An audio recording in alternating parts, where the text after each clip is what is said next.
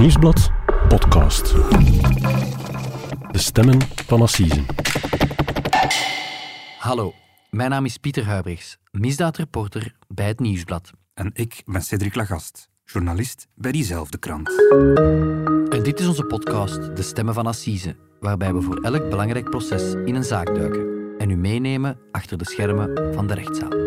En vandaag hebben we het over Erik van Puinbroek, die dood teruggevonden werd op zijn oprit. Hij was gewurgd. Het spoor leidde de speurders naar een lijfwacht van onze koning.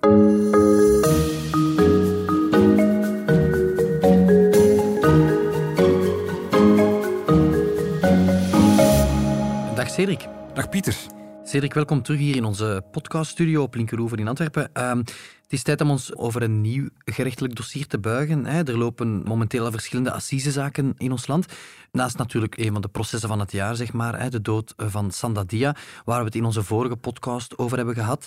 Maar er start nog een opmerkelijk proces, heb ik begrepen. Jawel, op maandag om precies te zijn, in het Assisehof van Leuven. En het is een, een, een vrij bijzondere zaak over de dood van een zestiger die op een woensdagochtend in mei 2020 rond 9.30 uur ochtends dood op zijn oprit wordt aangetroffen door zijn buren. Het lab en de politie kwamen in mei nog ter plaatse om sporen te zoeken. Een paar dagen eerder werd hier op de oprit van zijn huis in de Bensbergstraat een man van 64 gevonden. Na een autopsie bleek er kwaad opzet in het spel te zijn. De man zou namelijk gewurgd zijn. We hoorden hier een fragment van onze collega's van ROB-TV, de regionale zender, over die dramatische ontdekking. Een man die gewurgd werd op straat. Dat is al opmerkelijk. Dat is zeker opmerkelijk. Um, en die moord die zal ook drie maanden onopgelost blijven. Niemand begrijpt eigenlijk waarom die man daar vlak voor zijn huis moest sterven. Tot er één klein detail is dat de speurders op het juiste spoor zet. En dat spoor leidt dus naar de lijfwacht van onze koning. Cedric, het gaat dus over de dood van een, een 63-jarige man. Uh, laat ons beginnen bij het begin. Waar is die man overleden? Wel, we moeten naar Tieltwingen. Dat is een uh, landelijke gemeente tussen Leuven en Diest in Vlaams-Brabant. En het gebeurt daar allemaal een beetje buiten de dorpskern. In een straat, eigenlijk is het een smal baantje dat zo tussen de velden slingert. De huizen liggen allemaal langs één kant van de straat. Aan de overkant heb je allemaal velden. En die huizen liggen eigenlijk ook een flink stuk uit elkaar. Dus de bewoners die leven dus redelijk afgelegen, kan je wel zeggen. En op de oprit van één van die huizen wordt op een woensdagochtend, rond tien voor tien, een man dood teruggevonden. En door wie wordt hij dood aangetroffen? Wel, het slachtoffer is de bewoner van het huis in kwestie. En hij wordt eigenlijk gevonden door zijn huisgenoot. Het is een soort van, van kangoeroewoning. Er zijn twee verschillende woningen in één huis. Mm -hmm. Die twee mannen wonen ook apart van elkaar. Ze zijn geen familie of zo. Eh, ze delen gewoon een woning. En die tweede bewoner die komt buiten en die vindt het slachtoffer, de 63-jarige Erik van Puinbroek, dood op de oprit. En in paniek loopt hij naar de buren en die buren die bellen de politie. Mm -hmm. en het is niet meteen duidelijk wat er gebeurd is. Uh, ruzie, overval, uh, verkeersagressie? Dat is helemaal niet duidelijk. Het is zeker geen overval, want er is niks gestolen. De dader is ook het huis niet binnen geweest. Dat weet die medebewoner, want hij heeft niemand in het huis, uh, huis gehoord of gezien. En ook in het huis vinden ze eigenlijk geen sporen van, van een inbraak. Um, het moet ook allemaal eigenlijk op een heel korte tijd gebeurd zijn. Want één buurvrouw gaat die ochtend joggen en ze ziet Erik van Puinbroek rond 20 voor 10 um, zijn straat in, in, in rijden met dat, zijn auto. Dat is tien minuutjes voor hij daar wordt gevonden. Voilà, amper tien minuten later wordt hij dood op zijn oprit aangetroffen. Dus het moet allemaal op die tien minuten tijd gebeurd zijn. En weten we hoe hij om het leven is gebracht? Wel, hij is dus gewurgd. Hè. Op het eerste zicht is dat nog niet duidelijk. Er zijn geen sporen op het lichaam. Er is geen mes, er is geen schotwonden of zo, maar er wordt een autopsie uitgevoerd. En de, de wetsdokters denken dat hij met een, een soort armklem is gewurgd. Dus iemand heeft hem in een armklem gehouden um, tot hij gestorven is. Mm-hmm. Logischerwijs start er dan een politieonderzoek. Ondertussen, na onze wekelijkse podcast, weten we ongeveer hoe dat in, in zijn werk gaat. Hè. De hele omgeving wordt dan aan de tand gevoeld. Want als er een moord wordt gepleegd, ja, dan moet de dader in het merendeel van de gevallen in de omgeving van het slachtoffer worden gezocht. Ja, absoluut. Dat is zo'n beetje een wet uh, in die criminologie, denk ik. Uh, dus de buren worden aan de tand gevoeld, zijn huisgenoot. Maar er is die ochtend al één element die er ook voor zorgt dat die huisgenoot wordt uitgesloten als dader. Want er is een getuige van de moord. Er is iemand die gezien heeft hoe Erik van Puinbroek vermoord is. Ja, twee getuigen zelfs. Want er is die ochtend een thuisverpleegster die met een patiënte naar het huis van die patiënten rijdt, over dat baantje. Ze passeren aan dat huis. En als ze daar passeren, zien ze twee mannen op die oprit. Het slachtoffer, maar nog een tweede man. Het is een sportieve man die in het donker gekleed is en die ook gemaskerd is. Hij heeft zijn gezicht bedekt uh, met, een met soort sjaal. En, en die verpleegster die stopt de auto, want ze ziet, oei, daar is iets aan de hand, hier klopt iets niet. Uh, maar ze ziet dan een gemaskerde man, het slachtoffer ligt daar levensloos op die oprit. En ze wordt eigenlijk bang en ze rijdt weg. En, en pas als ze al een flink stuk weg is, als ze eigenlijk aan het huis van die patiënten komt, pakt haar telefoon en belt ze de politie. Oké, en de politie komt dan meteen ter plaatse, maar de dader is natuurlijk al weg. Inderdaad, door die getuigen weten we wel dat de huisgenoot het niet was. Want ze wordt geconfronteerd en zij ziet hem en ze zegt: nee, zijn figuur klopt niet. Maar wie het dan wel was, dat blijft een mysterie.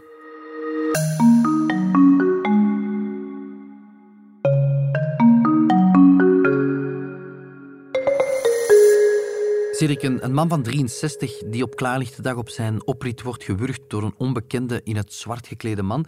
dan wil ik wel eens weten wie die man precies was en in welk milieu we ons eigenlijk bevinden. Wel, het gaat dus om de 63-jarige Erik van Puinbroek. Een onbesproken man, zoals dat, dat heet. Hij heeft geen strafblad. Hij is eigenlijk afkomstig uit Beveren in Oost-Vlaanderen, in het Waasland. Hij had een diploma chemie en hij heeft eigenlijk zijn hele leven gewerkt als stralingcontroleur in de kerncentrale van Doel. Dus het is niet iemand uit een problematisch milieu, iemand die zich niet inliet met misdaad. Nee, dat blijkt niet uit zijn strafblad, ook niet uit zijn verleden. Wie in de kerncentrale van Doel wil werken, ja, die wordt ook wel gecontroleerd, neem ik aan. Dus uh, voilà, hij had tot op het moment in zijn leven al een aantal huwelijken achter de rug. Uh, hij had geen kinderen, hij was twee keer getrouwd, twee keer gescheiden. En hij had op dat moment eigenlijk een latrelatie met nog een derde vrouw, een nieuwe vriendin eigenlijk, en die in diezelfde straat woont, in Teeltwingen. Ik neem aan dat zij meteen ondervraagd wordt, ook door de politie. Heeft zijn vermoeden wat er met hem gebeurd is? Nee. Het is zo dat Van Peubroek eigenlijk elke avond bij die vriendin ging eten en daar vervolgens bleef slapen. En vervolgens, ochtends, keerde hij terug naar zijn huis. Nu, dat is ook wat er die ochtend gebeurd is. Hij is, is, is bij haar blijven slapen, ze hebben samen ontbeten. En rond, rond half tien ongeveer is hij die ochtend bij die vriendin vertrokken naar zijn huis gereden en hij moet daar op zijn oprit door iemand zijn opgewacht die hem dan om het leven heeft gebracht. Mm Je suggereerde daarnet al blanco strafblad. Is dat dan een figuur die in zijn leven geen enkele keer met het gerecht is in aanraking gekomen? Wel, niet helemaal, want als ze zijn leven uitspitten, en dat is wat er dan tijdens zo'n onderzoek gebeurt natuurlijk, als er een, een, slachtoffer is en er wordt niet meteen een dader gevonden, dan wordt het leven van, die, van dat slachtoffer helemaal uitgespit op, om, in de hoop dat er ergens een, een, een, een spoor naar boven komt. Als ze dat doen, zien ze dat er eigenlijk twee jaar eerder een klacht tegen hem was ingediend. Door, door, wie? Door een stiefdochter. Van Puinbroek was in, in, uh, in de jaren negentig getrouwd geweest met een Roemeense vrouw. Eh, die hij tijdens een vakantie in Roemenië had leren kennen. Die vrouw had al twee kinderen, een jongen en een meisje. Uh, en dat meisje had hij geadopteerd als zijn stiefdochter. Nu, dat huwelijk is gestrand.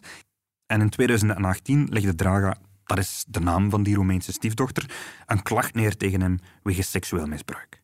Seksueel misbruik over iets wat toen gebeurd is? Nee, eigenlijk over vermeende feiten van, van lang geleden, namelijk zo'n 19 jaar eerder, toen zij 9 jaar oud was. Nu, het, het gerecht van Leuven heeft daartoe een onderzoek naar geopend, maar na zo'n elf maanden wordt die klacht geseponeerd. Het is niet bewezen, het kon niet bewezen worden, er waren onvoldoende bewijzen, zo oordeelt het parket. Dus er is geen sprake van een rechtszaak? Er komt geen rechtszaak, hè, nee, dus we kunnen ook niet zeggen of dat misbruik echt gebeurd is of niet. Nu, die stiefdochter die kampt wel met een aantal problemen. Ze heeft psychische problemen, ze heeft ook een drugsverslaving, ze werkt als sekswerker, um, ze heeft relatieproblemen. Anderhalve week na die beslissing van het gerecht stapt zij uit het leven. Dat is een ongelooflijk dramatische eh, wending. Ik, ik, vermoed dat het ook zeer moeilijk is om aan te tonen of het een met het andere te maken heeft. Hè? Want, want zo'n dramatische afwikkeling, ja, ik neem aan dat dat wel enige aandacht zal hebben gekregen uh, tijdens het onderzoek. Ja, de speurders die het onderzoek voeren naar de dood van Van Puinbroek, die vermoeden zelfs dat dat eigenlijk zelf een motief zou kunnen zijn. Want de moeder en de broer van Draga, die hebben een zekere rancune tegenover Van Puinbroek.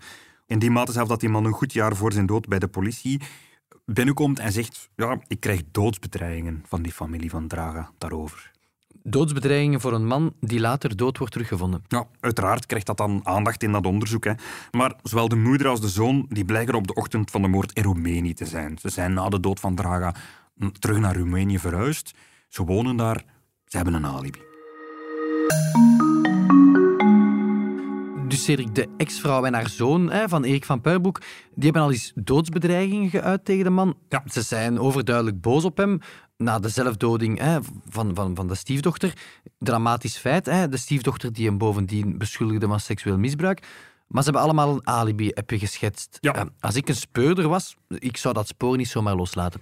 Inderdaad, en dat gebeurt ook niet, hè, Pieter. Ehm, de onderzoekers breiden de cirkel uit, zoals dat heet. Ze bekijken wie dat er nog allemaal ehm, in de omgeving van Draga eh, leefde, wie, wie haar vrienden waren, of dat ze nog familie had, wie dat er eigenlijk nog een motief zou kunnen hebben. En ze ontdekken dat de Roemeense hier in België eigenlijk getrouwd was met een Vlaamse man, met wie dat ze twee kindjes had.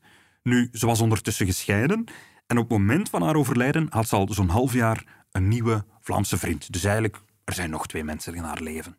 En die twee kunnen allebei ook een motief hebben, denk ik dan? Ja, absoluut. Dat, allee, dat denken de speurders toch. Hè. Dus die twee worden allebei ondervraagd. Uh, maar ze zeggen allebei, nee, we hebben daar niks mee te maken. Uh, de nieuwe Vlaamse vriend bijvoorbeeld, um, uh, die kent Van Puijenbroek niet eens, zegt hij. Eén of twee keer gezien. En op het moment van de moord blijkt zijn gsm bijvoorbeeld onder de mast van zijn restaurant in Tienen te hebben gelegen. Dus het onderzoek zit uh, in, een, in een complete impasse, lijkt Ja. me dan. Hoe komen we dan toch tot een verdachte uh, in de beschuldigde bank? Wel, door wat we um, doorgedreven speurwerk zouden kunnen noemen. Hè. De speurders, wat dat ze doen is, ze bekijken alle camerabeelden om en rond die bewuste straat in Tieltwingen, waar die man dood is teruggevonden. En er zijn camerabeelden, want je, je schetste daarnet dat in de middle of nowhere is bijna. Ja, niet in de straat zelf, maar wel in de straten daar rond wel, hè. In, de, in de wijde omgeving wel. En wat ze zien is dat er op die ochtend een in het donker geklede man op een zwarte bromfiets door Tieltwingen in de richting van die straat rijdt. En daarna, na de moord, weer in de omgekeerde richting van de straat wegrijdt. Mm -hmm. Dat is interessant. Dat is interessant en hoogst verdacht ook, lijkt me. Ik neem aan dat ze dan alles op alles zetten om die uh, bromfietser te gaan identificeren. Ja, ze gaan eerst op zoek naar de eigenaar, uh, maar die bromfiets blijkt gestolen te zijn. Hij is al een paar maanden eerder als gestolen opgegeven. En nog opmerkelijk, die bromfiets was voor de diefstal eigenlijk blauw. Dus die dader heeft die brommer dan herschilderd? Ja, effectief. Nu, daar zijn ze op zich niet zo heel veel mee. Ze willen vooral weten wie zat er op die brommer. Nu, op die beelden zelf kunnen ze de dader niet identificeren. Hè. Hij heeft bijvoorbeeld een helm aan natuurlijk. Je ziet zijn gezicht niet. Um, maar ze zien wel een aantal details. Bijvoorbeeld zijn rugzak. Ze zien dat hij een heel opvallende rugzak op zijn, op zijn rug heeft hangen. Nu, de speurders zijn, zijn zich al die tijd ook blijven interesseren in die Vlaamse vriend van Draga. Waarom? Bijvoorbeeld omdat uit zijn gsm-verkeer dan wel blijkt dat hij op de ochtend van de moord niet in de buurt van het huis in Tieltwingen was, maar de, ma- maar de weken en maanden daarvoor wel. Nochtans, hij woont in Tienen. Hij moet helemaal in die landelijke gemeente niet zijn. En toch duikt zijn gsm heel vaak op in de buurt van de huis. En dat vinden ze vreemd. En ze gaan zich meer interesseren voor zijn persoon. Wie is die man? Wat doet hij allemaal? Wat heeft hij allemaal gedaan? En ze zien dat hij op de ochtend van de moord rond half elf in Tienen naar de supermarkt is geweest. Ze weten dat, omdat hij daar betaald heeft met zijn betaalkaart. Dus dat duikt dan op in zijn bankverkeer. Mhm. En ze vragen de camerabeelden op van die supermarkt. En daarop is te zien dat hij inderdaad in die supermarkt rondloopt. En ze bekijken heel met veel aandacht zijn kleren. En hij is anders gekleed dan de motorrijder. Hij heeft niet de kleren aan die de motorrijder draagt. Dus dat bevestigt zijn alibi, want hij was 40 minuten na de moord ver weg in Tienen aan het winkelen. Ja, maar het zit hem in de details. Ik heb dat in het begin al gezegd. Het, is, het zijn de details die soms een moordzaak doen kantelen. En ze bekijken die camerabeelden van die supermarkt heel aandachtig. En ze zien dat hij daar ook een rugzak bij heeft. En die rugzak lijkt als twee druppels water op de rugzak die de onbekende motorrijder draagt. Die, onbekend, die heel opvallende rugzak die ze ook op die beelden zien. Een mogelijke doorbraak. Dat is op dat moment voor de onderzoeksrechter genoeg om die Vlaamse vriend op te pakken. Hij wordt urenlang ondervraagd en hij bekent. Drie maanden na de moord zegt hij: Ja, ik ben de man op de motorfiets.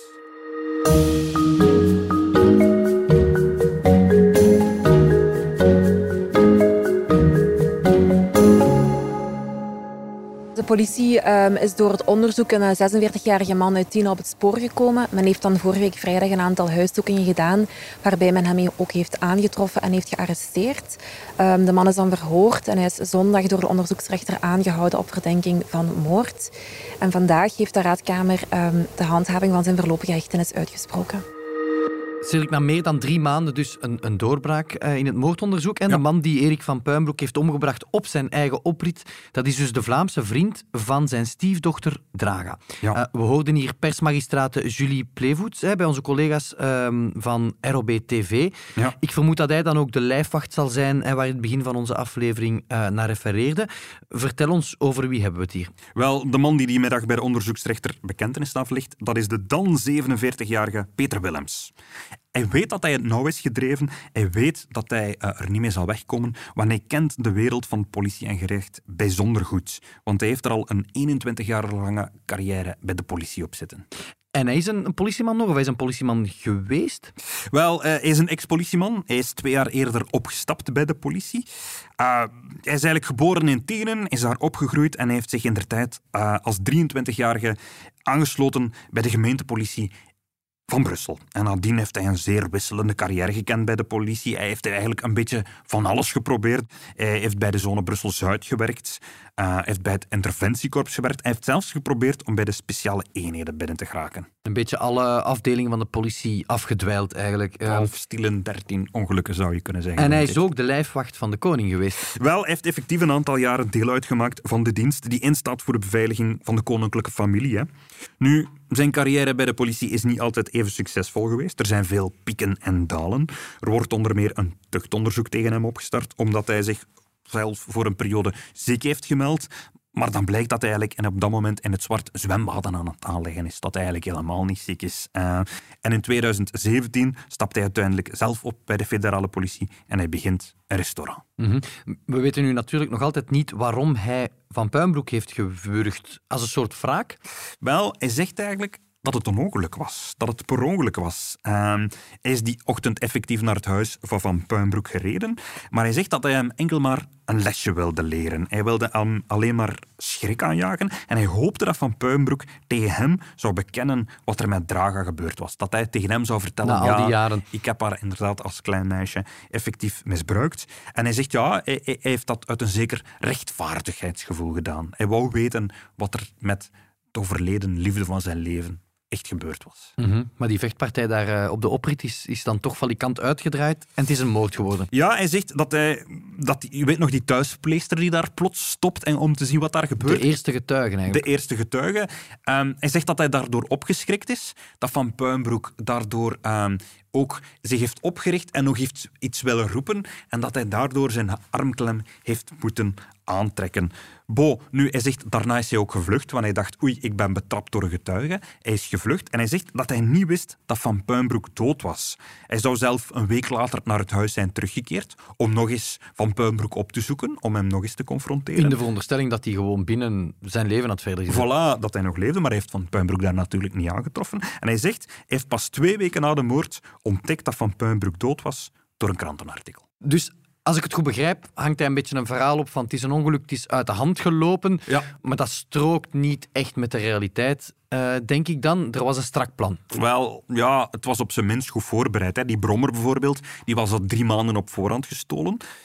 Hij had de plek ook op voorhand verkend, want we weten dat hij daar vaak aan de huis is opgedoken. Onder de om, mast gezien. Voilà, omdat hij daar een paar keer is geweest om, om de plek te verkennen. Hij had zijn gsm thuis gelaten, ook altijd al een teken dat je niet wil, uh, niet wil betrapt worden. Hij had zich gemaskerd, hij had handschoenen aan en hij had twee paar kleren aan. Want je weet nog, in de supermarkt had hij plots andere kleren aan. Wat was er gebeurd? De bovenste kleren die hij aan had, die had hij na de moord uitgetrokken, die had hij weggegooid zodat hij zich in die supermarkt heel doelbewust dat kon was laten heel filmen. bewust. Ja, hij had zich heel bewust laten filmen in een ander paar kleren om een alibi te hebben natuurlijk. Mm -hmm. Dat zijn wel heel veel aanwijzingen um, denk ik, voor een procureur om te zeggen, maar ja, dit is een moord met voorbedachte raden. Ja. Nou, wat ik me afvraag, kan dat verhaal over, over de betichting van dat seksueel misbruik, hè, mm -hmm. vele jaren eerder, kan dat dan een, een rol spelen op een assiseproces? Wel, het zal aan bod komen op het proces, al kan het natuurlijk niet het proces van Van Puinbroek worden. Hij kan zich niet meer verdedigen. Het is niet zo dat hij daar mag terechtstaan voor dat, voor dat seksueel misbruik. Maar het dossier over Draga is wel aan het dossier toegevoegd. En, en daaruit blijkt ook wel dat het niet altijd grote liefde was tussen haar en de lijfwacht. Want um, ze heeft bijvoorbeeld over hem met haar psychiater gesproken en daarin noemt zij hem agressief, dominant, manipulatief. En ze heeft zelf een paar keer geprobeerd om die prille relatie nog te verbreken. En het, het, is ook niet zo zeker of dat ze wel een wraakactie tegen haar stiefvader zou gewild hebben. Want uit het dossier blijkt ook dat een, een, een, aantal maanden voor haar dood dat ze ontdekt dat bijvoorbeeld haar moeder ook iets van plan is tegen Van Puinbroek. Wat precies, dat wordt niet helemaal duidelijk. Maar wel, zij gaat naar haar stiefvader om hem te waarschuwen daarvoor. Mhm. Wat gebeurt er nu? Wel, het is aan de assisejury natuurlijk om nu een oordeel te vellen. Hè. Um, welke straf dat, dat de lijfwacht moet krijgen, heeft natuurlijk bekentenissen afgelegd. Ook opmerkelijk, Peter Willems zal niet vanuit de gevangenis naar de assisezaal moeten overgebracht worden. Hij, hij, hij zit eigenlijk thuis met een enkelband. Hij, heeft, hij is eigenlijk aangehouden na zijn bekentenissen, maar heeft maar negen maanden in voorrechtenis gezeten. Uh, sindsdien mag hij zijn proces thuis afwachten, eigenlijk bij zijn ouders thuis, met een enkelband. Uh, ja, in theorie is hij nog altijd aangehouden. In de praktijk voelt dat voor burgerlijke partijen allicht een beetje anders, want hij zit bijvoorbeeld heel vaak op sociale media en daar deelt hij nog altijd foto's van Draga. Hij schreeuwt nog altijd zijn liefde uit voor, Raga, voor Draga, zijn Roemeense vriendin.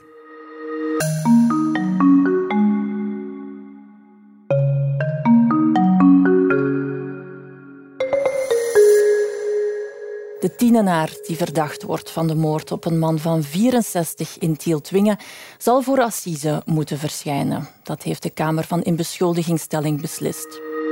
We horen hier een laatste fragment van de regionale zender eh, ROB-TV. Peter Willems wordt dus door het Leuvense parket beschuldigd van moord, dus met voorbedachte raden op Erik van Puinbroek. Ja. Zelf zegt hij dat het niet de bedoeling was om hem te doden, dat het dus een ongeluk eh, was, een uit de hand gelopen vechtpartij. Ja. Uh, twee verschillende versies, uh, wat het natuurlijk interessant maakt op Assise, die elk een zeer verschillende uitkomst qua strafmaat kunnen betekenen. Ja. Ja. Komen bij de advocaten in dit uh, verhaal, Cedric. Wie gaat de beschuldigde bijstaan? Wel, hij heeft twee advocaten gekozen. Hè. Enerzijds advocaat Steven van de Kerkhof. Dat is een advocaat uit Turnhout, die uh, al eerder is in West-Vlaanderen in de assisezaal is opgedoken. Zijn tweede advocaat is Caroline van den Moer, een advocaat uit Herenthout. Ze was onder meer ooit advocaat van oplichter Paul Meijer van de bende van 700 miljoen. Maar misschien uh, wat recenter geleden, zoals de advocaten van Lei Beaumont. En dat is een assiseproces in Tongeren dat jij hebt gevolgd, Pieter. Ja, een assiseproces met een dramatische uh, ontwikkeling net voor het einde van het uh, assiseproces. Lei Beaumont, de beschuldigde, is uit het leven gestapt. Ehm, nooit schuld bekend, maar laat ons zeggen dat zijn zelfdoding de richting van schuld bekennen wel ja. aangaf. Hij stond terecht voor de moord op zijn vrouw, José Widderschoven, mm -hmm. voor alle duidelijkheid. Hè. Nu, de familie van het slachtoffer heeft zich burgerlijke partij gesteld en zij hebben als advocaten gekozen Ayla Lewitt en John Maas. Nu, die laatste die kennen we uit, uh, uit vele rechtszaken. Hij is de advocaat van een van de reuzengommers, bijvoorbeeld, op het proces over de dood van Sanda Dia dat nu loopt. Maar hij was ook de advocaat van Bart de Pauw en uh, van de familie van Julie van Espen. Is heel omnipresent de laatste maanden, hè? John Maas uit Antwerpen. En ja. wie is de openbaar aanklager in dit dossier? Dat is de Leuvense substituut uh, Stefanie van Tienen. Zij was bijvoorbeeld ook aanklager op het proces over de moord op kapster Julie Quintus. Mm -hmm. Dat proces heb ik gevolgd in, uh, in Leuven. Voilà. En overigens, er is uitgerekend deze week een nieuwe procureur des Konings aangesteld in Leuven. En dat is die andere substituut die in Leuven vaak assiseprocessen pleit. Hans van Espen. Hen mm -hmm. kennen we bijvoorbeeld van het proces rond de Jeansbroekmoord. Daar was hij de aanklager. Hij wordt nu de grote baas van het Leuvense parket. Um, van Espen was ook het hoofd van het team lokale criminaliteit in Leuven. Hij wordt nu het hoofd van het volledige parket. En hij volgt Patrick Fits op, hè, die tien jaar lang procureur was in Leuven. En voor de volledigheid, de voorzitter in Leuven op het assiseproces is zoals zo vaak Peter Hartog. Cedric, hiermee zijn we aan het uh, einde gekomen van een nieuwe aflevering van De Stemmen van Assise. Uh, bedankt om, in deze studio uh, ons van de nodige duiding te komen voorzien. Dat is graag gedaan, Pieter. Um, wij gaan het proces volgen in Leuven en we komen er in een latere podcast over terug. Okay. Um, heb je het moeilijk na het beluisteren van deze aflevering? Heb je nood aan een gesprek? Uh, weet dan dat je steeds terecht kan bij Teleonthaal op het nummer 106 of bij de zelfmoordlijn op het nummer 1813 of via www.zelfmoord1813.be. We moeten ook nog even terugblikken op onze podcast van vorige week. In Brugge stond Frank Pauwels terecht voor de duinenmoord op zijn moeder Solange. Hij had zijn moeder doodgeslagen en daarna haar lichaam in de duinen begraven en hij was twee jaar lang verder blijven leven van haar pensioen. De jury heeft nu geoordeeld dat het toch niet om moord gaat. Volgens de jury heeft hij inderdaad zijn moeder om het leven gebracht, maar hij had op dat moment dat hij zijn moeder sloeg niet de intentie om haar te doden. Dat is een heel opmerkelijke uitspraak, want dat wil dus zeggen dat hij zich niet schuldig gemaakt heeft aan moord, maar aan het toebrengen van slagen en verwondingen met de dood tot het gevolg. Het gevolg daarvan is ook dat hij minder zwaar gestraft kon worden dan voor een moord het geval zou zijn. Hij heeft uiteindelijk van de jury 15 jaar cel gekregen. En ook in Tongeren heeft een assisenproces een opmerkelijk einde gekregen. Daar stond een koppel terecht voor de dodelijke steekpartij die het leven kostte aan de 24-jarige Luana Romagnoli. Slechts één van hen twee kon die dodelijke messteken hebben toegediend. Maar wie van de twee, dat moest op het assiseproces blijken. Nu, op donderdagochtend, heeft de advocaat van de man plots een wrakingsverzoek tegen de voorzitter neergelegd. Hij vond dat op het proces er te veel naar zijn cliënt werd gewezen. Het proces ligt daarom nu om onbepaalde tijd stil. Ofwel aanvaardt voorzitter Dirk Thijs het wrakingsverzoek, dan moet het proces helemaal opnieuw gebeuren. Ofwel aanvaardt hij het wrakingsverzoek niet en dan moet het Hof van Cassatie de knoop doorhakken.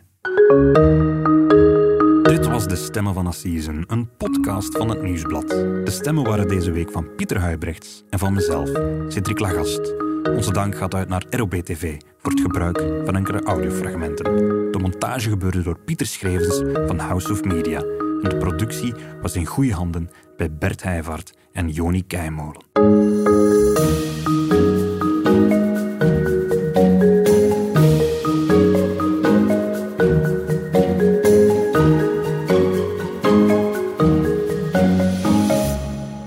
Heb je de andere podcasts van het Nieuwsblad al beluisterd? Seks verandert alles, Het Punt van Van Impe, Vrolijke Vrekken, Shotcast en De Koers is van ons.